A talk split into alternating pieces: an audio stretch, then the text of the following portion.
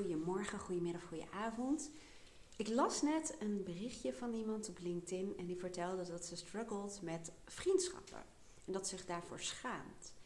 En dat inspireerde mij om deze podcast op te nemen, omdat ik ehm, ja, in mijn leven wel iets heel belangrijks heb geleerd over mezelf. En eh, wat ik ook veel terughoor bij mensen die ik coach of mensen die ik spreek. Dat is namelijk dat ik bij um, Ariane van giftedpeople.eu een keer een online uh, spreekuur heb gedaan. En toen vertelde zij over sociale vermoeidheid. En dat vond ik zo'n briljant um, woord, of eigenlijk zijn twee woorden. En toen dacht ik, ja, dat is eigenlijk um, een manier om goed te beschrijven wat ik zelf ook ervaren heb. Ik ben namelijk jarenlang onderdeel geweest van een uh, vriendinnengroep. En ik had altijd heel veel mensen waarmee we afspraken en veel contacten. En toen zat ik in zo'n bepaalde flow, maar ik merkte wel dat dat toch best wel veel energie kostte. En uh, dat ik daarvan bij moest komen, wat heel vaak niet lukte. En toen hadden we ook nog geen WhatsApp, dus kun je nagaan hoe dat voor mij had gevoeld als WhatsApp er dan ook nog bij was. En ik heb op een gegeven moment voor mezelf um, bepaald wat mijn kernwaarden zijn. Ik heb dat gedaan in een opleiding communicatie, dus lang nog voordat ik coach werd.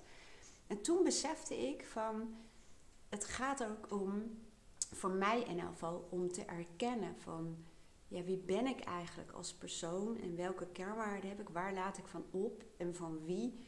En hoe meer ik bewuster ging leven conform die waarden, hoe meer ik ook het contrast voelde tussen mensen en situaties, omgevingen en activiteiten die geen match waren met mijn persoonlijke waarden. Dat was aan de ene kant wel een beetje lastig, want dat kun je op een gegeven moment niet meer uitzetten. Ik heb daar ook een volledige podcast over opgenomen.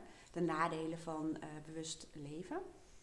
Maar het leerde mij wel dat het um, niet per se gaat over de hoeveelheid contacten, zeg maar, waardoor ik uh, soms vermoeid raakte. Maar dat het ook ging om met wat voor mensen. Dat ik merkte dat een zekere gelijkgestemdheid, een connectie voelen met mensen, de voor mij juiste mensen, hè, dat is voor iedereen persoonlijk. Ja, dat ik daardoor wel energie kreeg.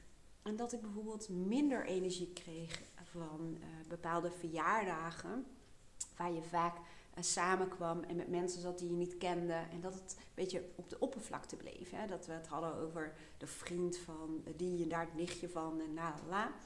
En dat ik daar gewoon uh, niet van aanging, zoals sommige mensen dat zo mooi zeggen. En ik leerde ook over mezelf um, dat ik een introverte persoonlijkheid uh, heb eigenlijk meer ambivert. Want ik, kan, ik heb ook een hele sociale kant. Ik kan heel makkelijk contact maken. En ik vind dat ook leuk. Ik heb dat nodig. Dus dat is een beetje meer mijn extraverte deel. Maar dat ik um, in de basis gewoon echt ook tijd nodig heb voor mezelf om op te laden.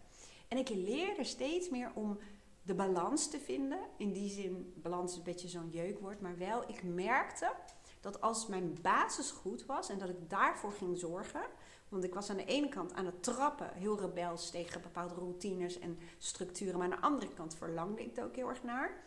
En heeft mijn vriend Aaron daar ook wel echt heel erg voor gezorgd. Um, ja, dat er toch wel steeds meer regelmatig in mijn leven kwam. Hij had het gewoon meer. En ik merkte dat ik daar toch ook wel heel goed op draaide. En dat ik dus vanuit een bepaalde basis, waarin ik genoeg tijd voor mezelf had en kon reflecteren en um, ja, kon opladen en in de natuur was, dat als dat op orde was, dan kan ik vanuit die basis, zeg maar, op pad en connectie maken met andere mensen. En ik heb geleerd hoe dat voor mij werkt. Bijvoorbeeld een heel weekend vol met allerlei afspraken, dat gaat tegen mijn natuur in. En dan merk ik ook dat het hele sociale gebeuren me meer energie kost. Maar dat heeft dan veel meer te maken met het feit dat ik te weinig tijd heb, zeg maar, om um, op mezelf te zijn en tegen mijn natuur ingaan, maar niet zozeer met de mensen. Dus voor mij was het een stukje onderzoek van A, met welke mensen match ik nou gewoon het best en zij met mij natuurlijk.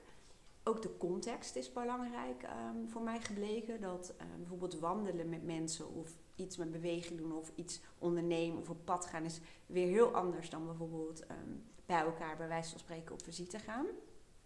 Maar wat dus ook heel belangrijk um, bleek te zijn voor mij, en dat hoor ik van veel mensen, is zorgen dat die basis gewoon goed is. En ook als je samen met mensen op vakantie uh, gaat bijvoorbeeld, dat ik um, zorg voor die basis. En dat ik kijk hoe kan ik in deze context, in deze omgeving, in deze situatie daarvoor zorgen. Dat betekent bijvoorbeeld ook dat um, als we met mensen op vakantie gaan, dat in één huisje en dan samen bijvoorbeeld één badkamer uh, delen en weinig ruimte voor jezelf hebben, dat gaat gewoon niet. Dus dat ga ik gewoon ook niet doen.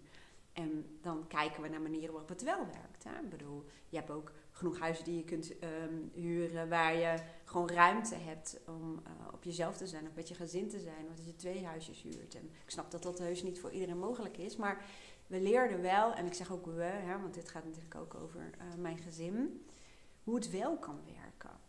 En met wie het ook kan werken. En um, ik zit ook te denken, hoe kan jij hier nou iets aan hebben?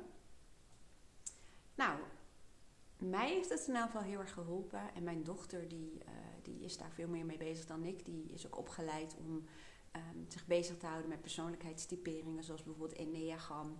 Zij maakt ook heel veel gebruik van MBTI. Zo kun je ook onderzoeken ja, wat jouw voorkeuren zijn, wat je drijfveren zijn, je valkuilen, um, je uitdagingen, maar ook wat je nodig hebt als persoon, ook in een sociale context. Dus een stukje zelfonderzoek. En ik zelf heb ik dat gedaan met um, het onderzoeken van mijn kernwaarden.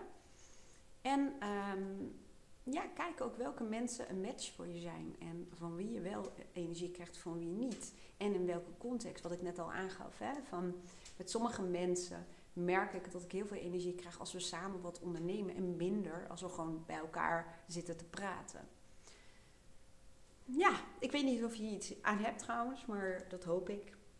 En zo niet, ja, dan niet natuurlijk. En als je zegt van, goh, maar um, ik wil dat ook wel graag onderzoeken. Nou, als je zegt, ik wil uh, meer weten over die persoonlijkheidstyperingen. En um, MBTI en Enneagram eigenlijk maakt uh, de methodiek natuurlijk niet per se heel veel uit. Maar wel dat je steeds meer over jezelf leert kennen. En ook in relatie tot andere mensen. En ook van, goh, um, ben je misschien meer introvert of extravert, ambivert? En wat betekent het dan voor jou in de praktijk? Hoe kun je dan beter zorgen voor jezelf? Um, en wat heb je nodig? Als je daar meer over wil weten, dan zou ik zeggen, mail of app me even. Dan kan ik je in contact brengen met Lisa, mijn dochter. En als je zegt, ja, maar ik wil dat met, dat, met die kernwaarden wel graag doen, dan kun je dat bij mij in elk geval op drie manieren doen. Namelijk zelfstandig met een online programma.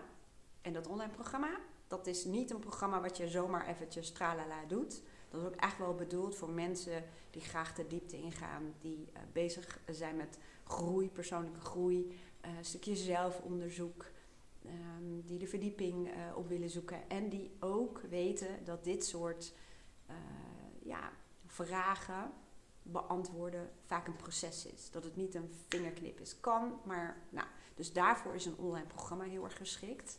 Ik zet het linkje wel even hieronder. Wie ben je werkelijk en wat wil je echt, is de titel daarvan.